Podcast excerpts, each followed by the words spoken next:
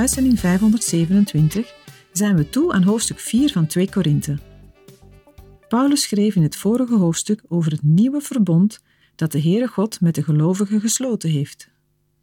Het oude verbond, de wet, leidde ertoe dat mensen gingen beseffen dat ze zondig waren voor God. Door de wet werd duidelijk wat een overtreding eigenlijk was. De wet was dus goed, maar het was voor mensen onmogelijk om daardoor het eeuwige leven te verdienen. Hoe goed mensen ook kunnen lijken en soms zelfs zijn, daarmee is het leven bij God nooit te verdienen. In de bespreking van de Romeinenbrief hebben we daar al heel uitgebreid bij stilgestaan. Misschien weet u dat nog. En daarom is de Heere God met een tweede en volledig nieuw verbond gekomen. Niet door de wet, maar door de geest van God is er eeuwig leven. Aan de Corinthiërs en via hen ook aan ons, legt Paulus uit, hoeveel heerlijker dit verbond is. Het eerste was goed, het tweede overtreft dat. Het is ook een blijvend verbond.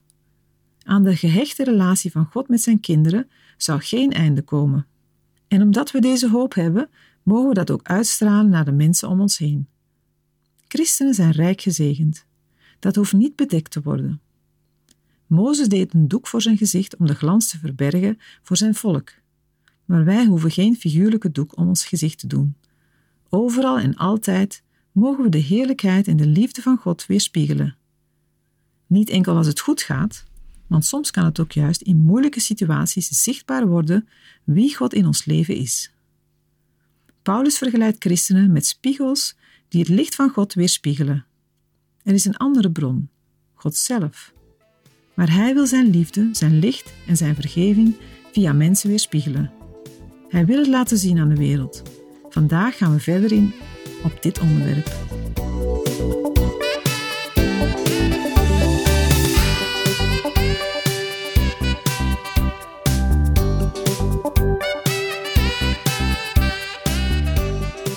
In 2 Korinthe 4 keert Paulus weer terug naar de beschrijving van zijn apostolische bediening. Dit werd in 2 Korinthe 3 vers 13 onderbroken voor een uitweiding over de beperkte geldigheidsduur van de wet en de verharding van het volk Israël. 2 Korinthe 4 vers 1 Daarom, aangezien wij deze bediening hebben naar de barmhartigheid die ons bewezen is, verliezen wij de moed niet. In deze woorden horen we gedachten terug uit 2 Korinthe 3 vers 4 en 12. Dingen durven zeggen en met vrijmoedigheid doorgeven is geen verdienste van de apostel Paulus. De Heer heeft deze zaken in zijn goedheid gegeven en hem toevertrouwd.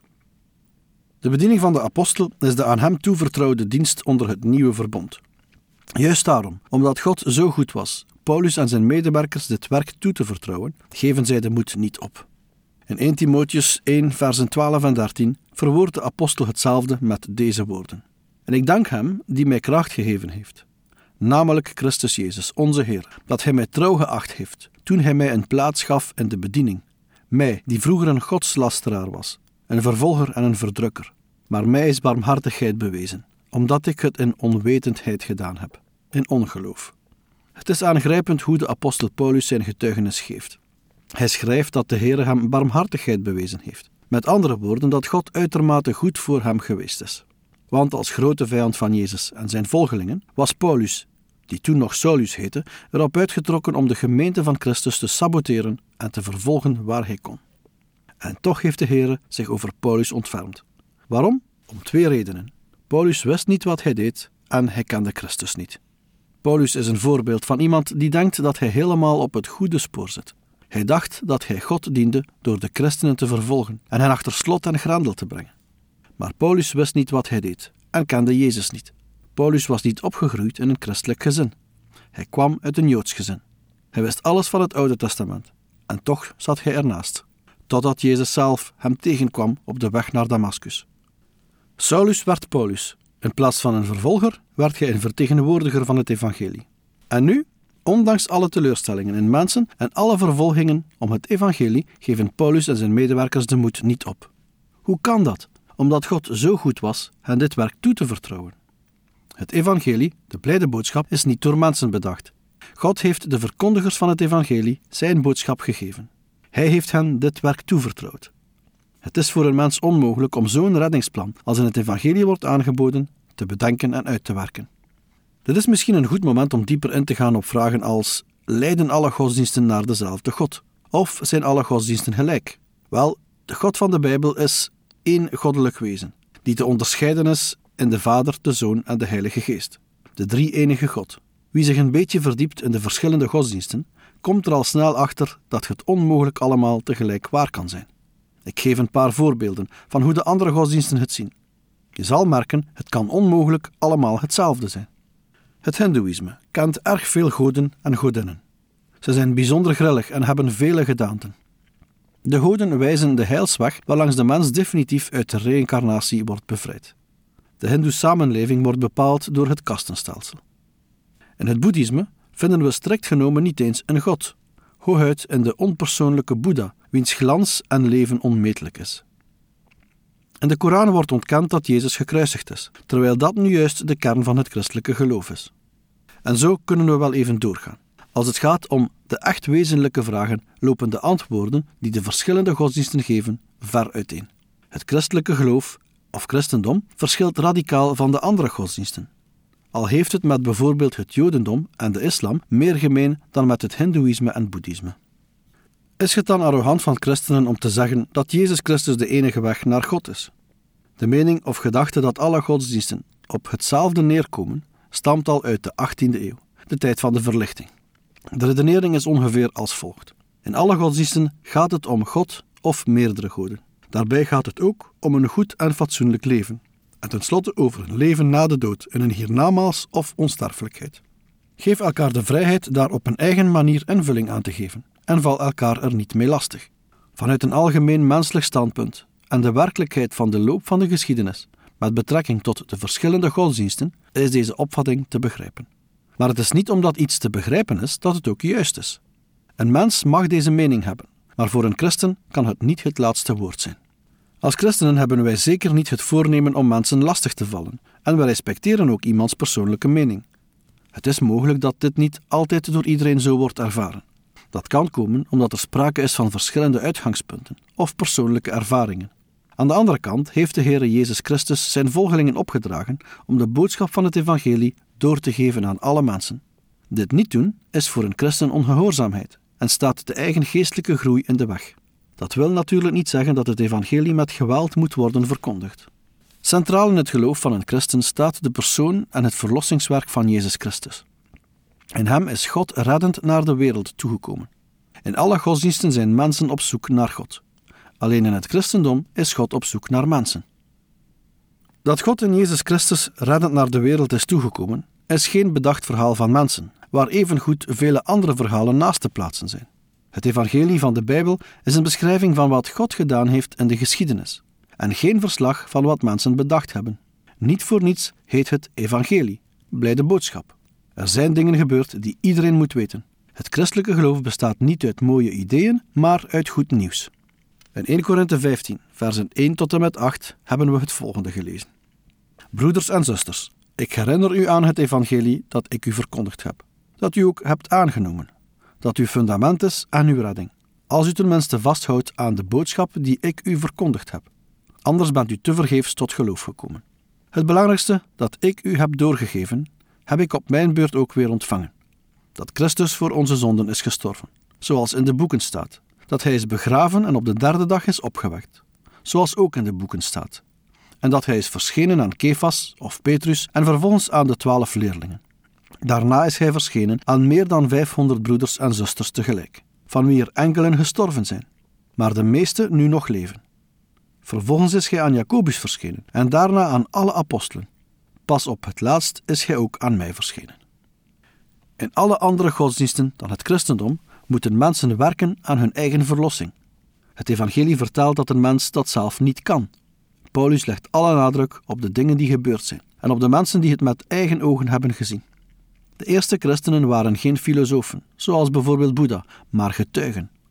In de tijd van het Oude en Nieuwe Testament was er minstens evenveel verscheidenheid aan godsdiensten als in onze tijd. Toch hield dat de verkondigers van het evangelie niet tegen om duidelijke en absolute uitspraken te doen. Zij kregen de woorden van de blijde boodschap van de Heer in hun hart en mond.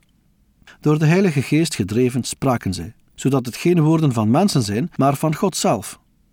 De Heer Jezus liet er geen enkele twijfel over bestaan. Te midden van de keizerverering van de Romeinen, het Griekse heidendom, de filosofie van de Stoïcijnen en wat er allemaal nog meer was in die dagen. Te midden van al die stromingen, gedachten en godsdiensten, zegt Jezus dat Hij alle macht in de hemel en op aarde heeft en dat niemand bij God de Vader in de hemel komt dan door Hem. Hij geeft zijn volgelingen de opdracht om alle volken tot zijn discipelen te maken. Hij heeft door zijn opstanding uit de dood bewezen een betrouwbare verlosser en messias te zijn. Er is niemand anders die voor de zonden van de mensen is gestorven, en er is ook niemand anders die opstond uit de doden. En hoewel andere godsdiensten misschien wel respectabele leefregels en ethische principes hebben, geven zij geen oplossing voor het probleem van de in zonden gevallen mens. Wie het verschil tussen het christelijke geloof en alle andere godsdiensten wil benoemen, kan dat met één woord doen: genade. In de Bijbel draait alles om Gods genade. Het is het enige antwoord op de nood van mensen. Wie zijn eigen zonde en nood eerlijk onder ogen ziet en in het woord van God de Heer Jezus Christus ontmoet, weet genoeg. Het gaat bij andere godsdiensten vaak om het gunstig stemmen van de Godheid, goed je best doen, om de ware verlossing te vinden en mogelijk te bereiken. In het christelijke geloof heeft de Heer Jezus alles gedaan en vraagt hij zijn volgelingen hem te volgen. Terug naar de Corinthiërs, 2 Korinthe 4 vers 2. Integendeel, wij hebben de schandelijke, verborgen praktijken verworpen. Wij wandelen niet in bedrog en vervalsen ook niet het woord van God. Maar door het openbaar maken van de waarheid bevelen wij onszelf aan bij elk menselijk geweten, in de tegenwoordigheid van God. Paulus en de zijnen hebben het eigenlijk niet nodig zichzelf aan te bevelen.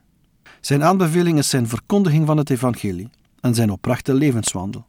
Als de Corinthiërs luisteren naar de stem van hun eigen geweten, dan moeten zij wel tot de conclusie komen dat Paulus en zijn medewerkers ware dienaren van God zijn. Iemand kan het evangelie prediken en dingen zeggen die volkomen waar zijn, maar tegelijkertijd kan zijn leven een heel andere boodschap uitdragen. Dit geldt natuurlijk niet alleen voor de predikers van het evangelie, maar voor alle christenen.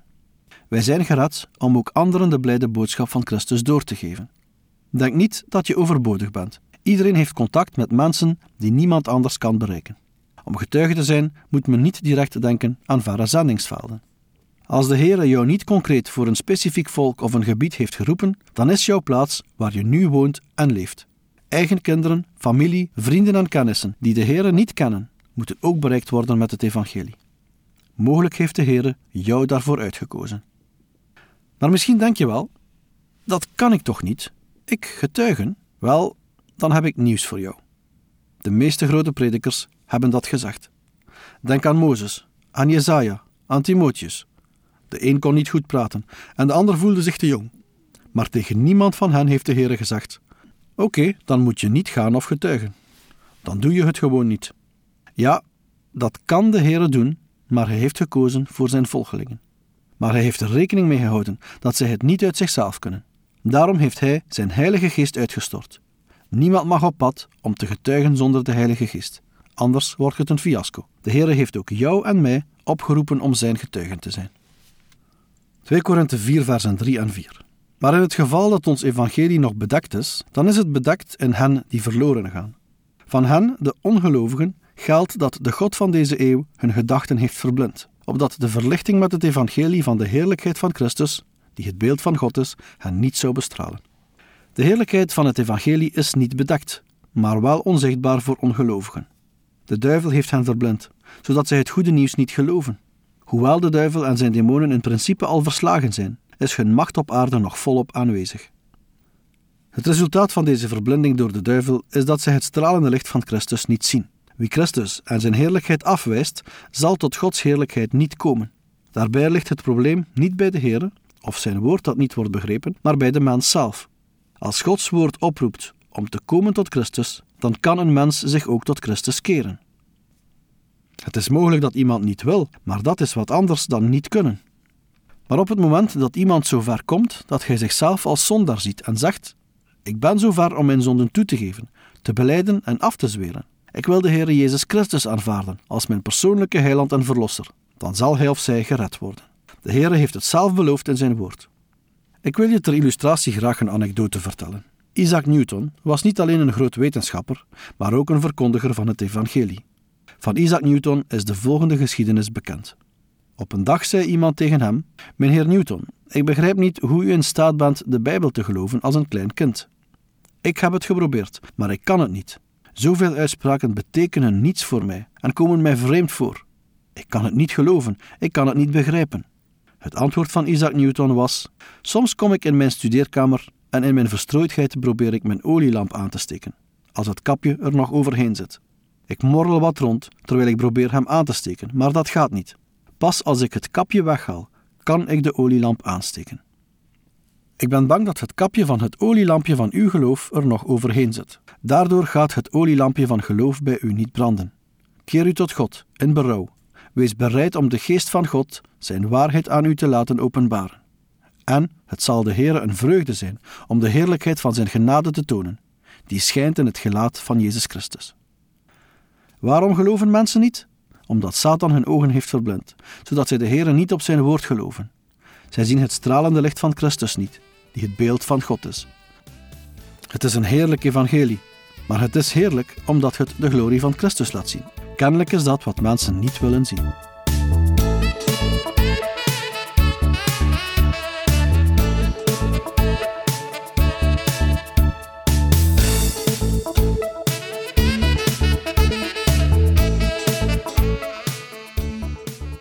Geluisterd naar Door de Bijbel, een programma waarin we in vijf jaar tijd de ganse Bijbel bespreken.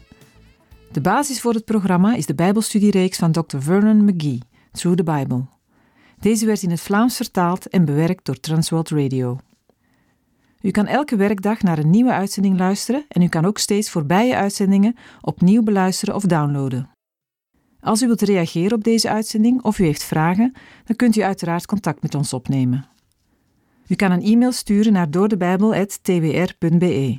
Verder kan u op onze site terecht, www.twr.be, voor meer info en het beluisteren van onze overige programma's. Dit programma werd gepresenteerd door Patrick Couchement en Anne Notenboom. Wij danken u voor het luisteren en graag tot een volgende keer.